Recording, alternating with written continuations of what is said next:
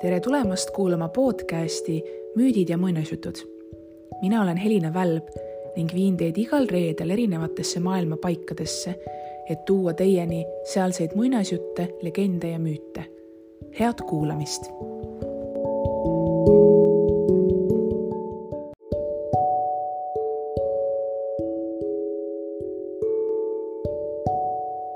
täna jutustan teile ühe vast et äh, kuulsaima äh, muinasloo, Tuhka-Triinu. Äh, see versioon, mida mina teile loen, on ilmselt üks tuntumaid, see on Charles Perrault seitsmeteistkümnenda sajandi lõpus kirja pandud Tuhka-Triinu ehk kristallkingake. tegelikult aga on Tuhka-Triinu lugu rahvajutt, millel on variatsioone üle kogu maailma ja arvatakse, et äh, esimesed sellised äh, Tuhka-Triinu muinasjutu alged jäävad sinna äh, kristlu, Kristuse sünni, sünniaegadesse umbes ja, ja need räägivad siis ühest Kreeka orjatarist, kes abiellus Egiptuse printsiga. aga see variant, mille mina teile täna jutustan, on ilmselt kõigile juba küllaltki tuttav mõnusat kuulamist.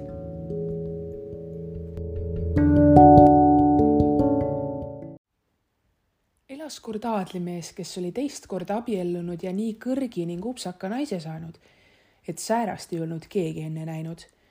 naisel oli kaks samasuguse iseloomuga tütart, kes olid temaga täiesti ühtemoodi. mehel aga oli nooruke tütar, iseäranis tasane ja hea. ta oli läinud emasse, kellest paremat inimest ei olnud ilmas leida vaevalt said pulmad peetud, kui võõras ema oma halba iseloomu näitama hakkas. tal sõid hinge seest noore lapse voorused, mille tõttu tema oma tütred veel vihkamisväärsemad paistsid. naine pani noore tüdruku kõige raskemaid majatöid tegema. tema pidi nõusid ja treppe pesema, maja emanda ja perepreilid ja tube kraamima. neiu enda magamisase oli üleval pööningul viletsal õlekotil. õed aga elasid parkettpõrandaga tubades kus neil seisid viimase moe järgi meisterdatud sängid ja peeglid, milles nad võisid ennast pealaest jalatallani näha. vaene laps kannatas kõike nurisemata ega tihanud isalegi kaevata, sest oleks saanud tõrelda. oli ju isa täielikult oma naise võimu all. kui neiu tööga valmis sai, seadis ta ennast koldenurka ja istus tuha peale, mistõttu teda tavaliselt tuhalsitsijaks kutsuti. noorem õde oli vanemast vähe viisakam ja hüüdis teda tuhkatriinuks ja ometigi oli viletsates hilpudes tuhkatriinu sada korda ilusam kui tema uhketes rõivastes õed. kord juhtus, et kuningapoeg korraldas peo, kuhu ta kõik kõrgest soost inimesed kutsus. ka meie preilid olid palutud, sest nad kuulusid riigi suurtsugu inimeste hulka. õekesed rõõmustasid kangesti ja astusid kibekiiresti kleite ja soenguid valima, mis neile kõige paremini oleksid sobinud. uus vaev tuhkatriinule, sest tema pidi õdede pesud riikima ja kätiseid plisseerima. jutt käis ainult selle ümber, mismoodi keegi ennast riidesse paneb. mina, ütles vanem õde, panen selga punase sametkleidi ja Inglismaalt toodud ehted. mina, ütles noorem, panen hariliku seeliku, see-eest aga kuldlilledega mantoo ja teemantitega vöö, mida sugugi iga päev ei näe läkitati tubli tanutegija järele, et ta kahe volangirjaga tanud valmistaks ja osavalt meistrilt osteti iludusmärke. õed kutsusid Tuhka-Triinu nõuandjaks, sest tal oli hea maitse.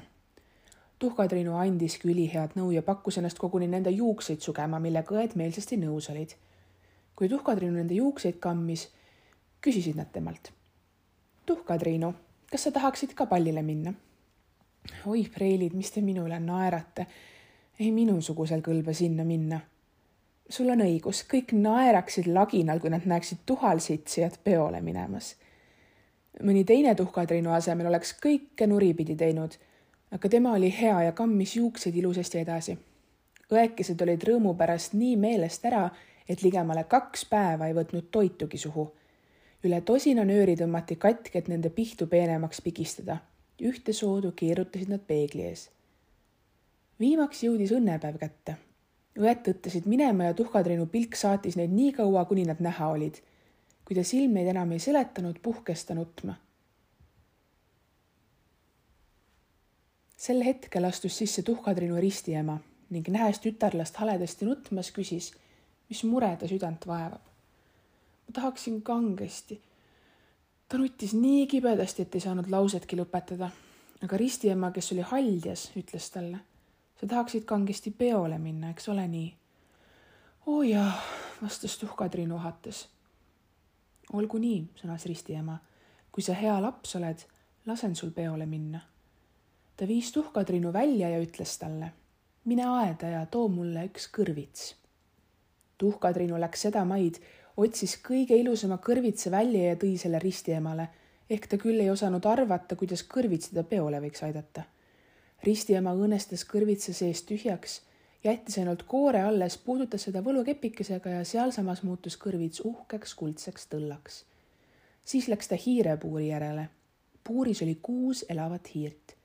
ristiema käskis tuhkatriinul puurihaava veidike paotada ja puudutas võlukepikesega iga hiirt, kes sealt välja lipsas, nii et see sealsamas toredaks hobuseks muutus. ilus kuue hobuse rakend hiirekarva kimlitega oligi valmis. Ristiema pidas aru, kellest kutserit teha ma lähen vaatan, ehk on rotipuuris mõni rott, ütles tuhkatriinu. sellest võiks ju kutsari teha. sul on õigus, kostis ristiema. mine vaata järele.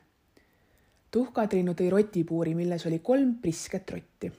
haldjas valis kolme hulgast välja uhke habemega roti ja kui ta oli teda puudutanud, muutus too turskeks kutsariks, kellel olid kõige ilusamad vuntsid, mis seal nähtud on. Seejärel ütles ristiema tuhkatriinule mine aeda. kastekannu tagant leiad sa kuus sisalikku, too need siia. vaevalt sai tuhkatriinu need toodud, kui ristiema muutis sisalikud kuueks teenriks, kes on oma kardpaeltega livreedes sedamaid tõlla taga. nagu ei oleks nad kogu oma eluajal muud teinudki. siis ütles haldjas tuhkatriinule. näed sa, nüüd sul on, millega peole minna. oled sa rahul? jah, aga aga kas ma pean niiviisi nendes närustes hilpudes minema? ristiema puudutas teda võlukepikesega ja ühe silmapilguga muutusid tuhkatriinu riided kalliskividega tikitud kuld ja hõberõivasteks. siis andis ristiema talle paari maailma ilusamaid kristallkingakesi. nõndaviisi ehituna astus tuhkatriinu tõlda. ristiema aga manitses teda, et ta mingil juhul üle südaöö ei jääks ja hoiatas, et kui ta siis pallil silmapilgugi kauem viibib muutub tuld uuesti kõrvitsaks, hobusad hiirteks ja tema riided saavad jällegi endisteks. tuhkatriinu tõotas ristiemale, et ta tingimata enne südaööd ära tuleb. tuhkatriinu asus teele suurest rõõmust nagu meelest ära. kuningapojale anti teada, et on tulnud tähtis printsess, keda keegi ei tunne ja kuningapoeg tõttas teda vastu võtma. ta ulatas tuhkatriinule tõllast mahaastumiseks käe ja juhatas ta piduliste juurde saali ümberringi tekkis sügav vaikus. tantsijad jäid seisma ja viiulid vakka. suure tähelepanuga silmitseti tundmatu neiu säravat ilu. kostis ainult imestuse pobinat. oo, kui ilus ta on. isegi kuningas, kes oli juba päris vana, ei saanud tuhkatriinult silmi ära ja lausus tasakesi kuningannale, et ta ei ole ammugi nii ilusat ja armsat neidu näinud naised uurisid hoolega tema soengut ja rõivaid, et juba homme päev endale samasuguseid saada, oleks vaid küllalt kauneid kangaid ja küllalt osavaid meistrimehi leida. kuningapoeg juhatas tuhkatriinu aukohale ja palus ta hiljem tantsima. tuhkatriinu tantsis nii nõtkelt, et imetlus aina kasvas. toodi uhke piduroog, aga noor prints ei söönud sugugi, vaid ainult vaatas üksisilmi tuhkatriinut siis tuhkatriinu läks ja võttis õdede juures istet oli nende vastu väga viisakas ja lahke. ta pakkus neile sidruneid ja apelsine, mis ta printsilt oli saanud ja õed panid seda väga imeks, sest nad ei tundnud teda ära. kui nad seal nõnda juttu vestsid, kuulis tuhkatriinu, kuidas kell kolmveerand kaksteist lõi. kohe tegi ta sügava kummarduse pidulistele ja kiirustas minema nii kärmesti, kui jalad võtsid. kui ta koju jõudis, rääkis ta kohe kõigest ristiemale, tänas teda ja ütles, et ta tahaks kangesti ka teisel päeval peole minna, sest kuningapoeg oli palunud teda tulla. parajasti, kui ta ristiemale jutustas kõigest, mis peol oli sündinud, koputasid õed uksele. tuhkatriinu läks ust lahti tegema. küll te jäite kauaks, haigutas tuhkatriinu silmi hõõrudes ja ringutades, just nagu oleks ta alles praegu unest virgunud. ometi ei olnud tal magamiseks tahtmist, sest ajast peale, kui ta neist lahkunud oli oleksid sa pallile tulnud, ütles üks õde. ei oleks sa seal igavust tundnud, sinna tuli üks ütlemata ilus printsess, kõige ilusam, keda kunagi nähtud. ta oli meie vastu nii lahke, pakkus meile sidruneid ja apelsine. tuhkatriinu oli suurest rõõmust nagu meelest ära. ta küsis õdedelt, kuidas oli printsessi nimi aga nad ütlesid, et keegi teda ei tundnud ja et kuningapoeg on sellepärast suures hingevaevas ja et ta annaks kõik siin ilmas, kui ainult teda saaks näha. tuhkatriinu naeratas ja ütles, ta oli vist väga ilus. jumal, kui õnnelikud te olete. kas mina ei saaks teda näha? kallis Javot, laenake mulle oma kollane kleit, mida teie iga päev kannate või veel, ei tule mõttessegi, ütles Chavot. peaksin püsti hull olema, kui laenaksin oma kleidi räpasele tuhalsitsijale. tuhkatriinu seda ootaski, et õde keeldub ja tal oli hea meel, sest ta oleks olnud tõsises kimbatuses, kui õde oleks valmis olnud talle oma kleiti laenama. Teisel päeval olid õed jälle pallil ja tuhkatriinu samuti, veel uhkemini ehitud kui esimene kord. kuningapoeg ei astunud sammugi tema kõrvalt ja rääkis talle vahetpidamata õrnusi noor neiu ei tundnud sugugi igavust ja unustas risti oma manitsused nii kostis ta kõrvu südaöö esimene kellalöök, kui tema meelest kell ei olnud veel üksteistki saanud. tuhkatriinu tõusis püsti ja pages välejalgselt kui hirv. kuningapoeg ruttas talle järele, aga ei saanud teda kätte. Tuhkatriinul libises jalast kristallkingake, mille prints õrnalt maast üles võttis.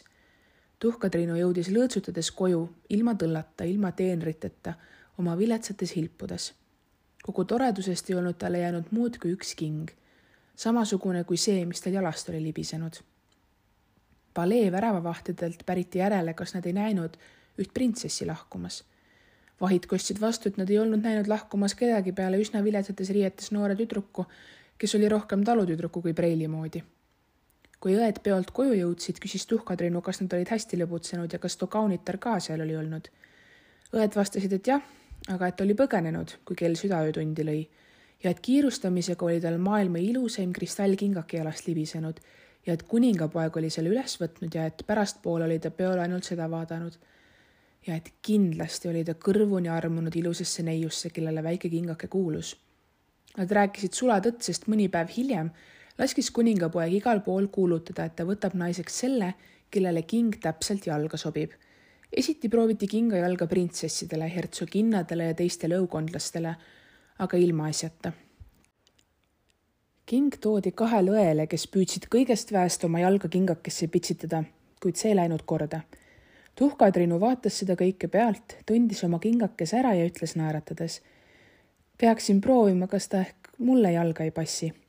õed hakkasid naerma ja teda pilkama aadlimees, kes kinga passitamist toimetas, silmitses tuhkatrinud tähelepanelikult ja leidis, et ta on väga ilus olevat ütles, et äh, see on hea mõte ja et temal on käsk kõikidele neidudele kinga jalga proovida. ta pani tuhkatriinu istuma ja kinga tema väikesesse jalga lükates nägi, et see läks sinna lipsti ja sobis talle nagu valatult. Õdede imestus oli suur, aga see kasvas veelgi, kui tuhkatriinu taskust teise kinga võttis ja selle ka jalga pani. siis tuli kohale ristiema, puudutas võlukepikesega tuhkatriinu riideid ja muutis need veel uhkemaks, kui eelmised olid olnud. nüüd tundsid õed tuhkatriinus peol nähtud kaunitari ära Nad langesid jalgade ette maha ja palusid andestust halva kohtlemise pärast, mida ta oli pidanud nende poolt kannatama.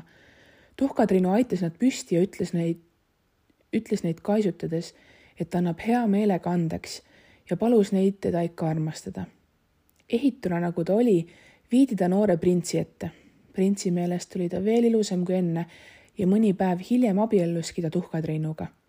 tuhkatriinu aga, kes oli samavõrra hea kui ilus laskis oma õed kuningalossi tuua ja pani nad veel samal päeval kahele tähtsale õukondlasele mehele.